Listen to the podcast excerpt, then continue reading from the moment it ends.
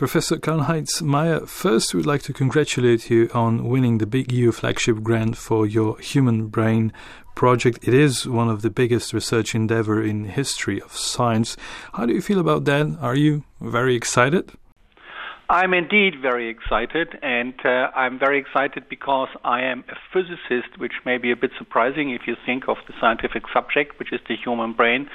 But I have been working at another major scientific endeavor in Europe, which is the CERN lab in Geneva, as a particle physicist for 30 years of my life. And what I feel is that with this new human brain project, we are entering a new phase where we will bring brain science and uh, the related computational principles that can be extracted from the brain into a similar full European scale, and I'm I'm expecting that we will make major discoveries here.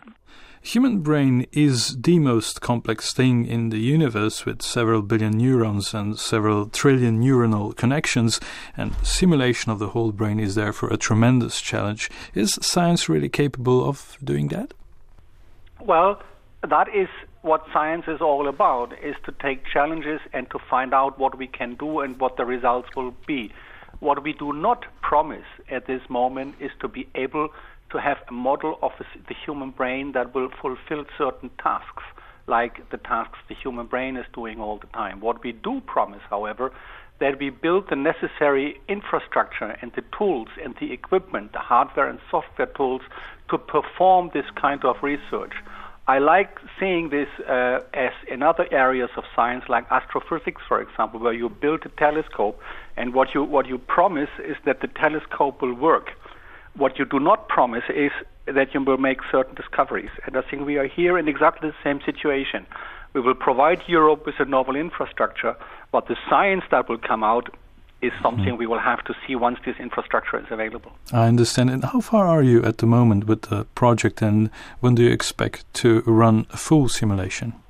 Well, actually, the project is not starting from zero, which is maybe not surprising. If you get awarded a project like that, mm-hmm. you have to prove that you have done previous work, which which demonstrates that you are able of doing these kind of things. So the project basically rests on two pillars, I would say, of work that have been done in the past.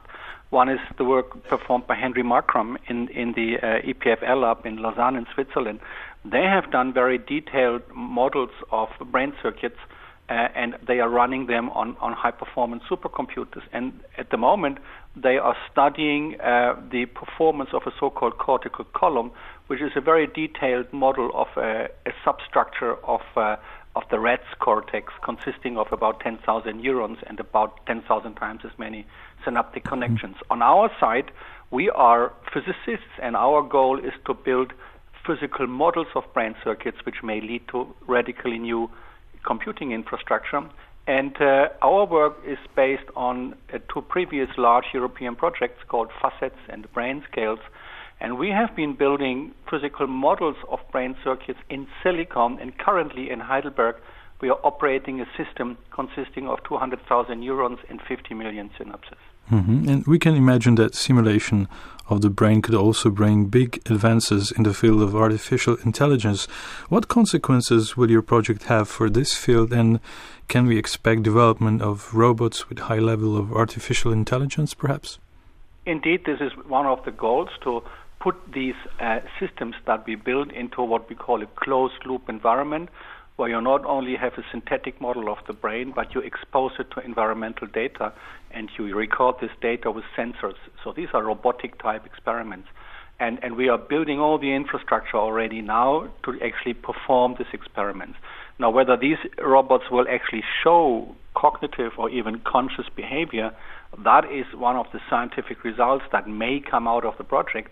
Again, as I said before, we guarantee that the infrastructure to do these experiments will be available uh, when the project finishes, but we cannot promise certain scientific outcomes. Mm-hmm. And human brain have a series of remarkable abilities, and the most exceptional of those is consciousness and awareness. Do you think your simulation could be conscious, and what would that mean from the ethical point of view?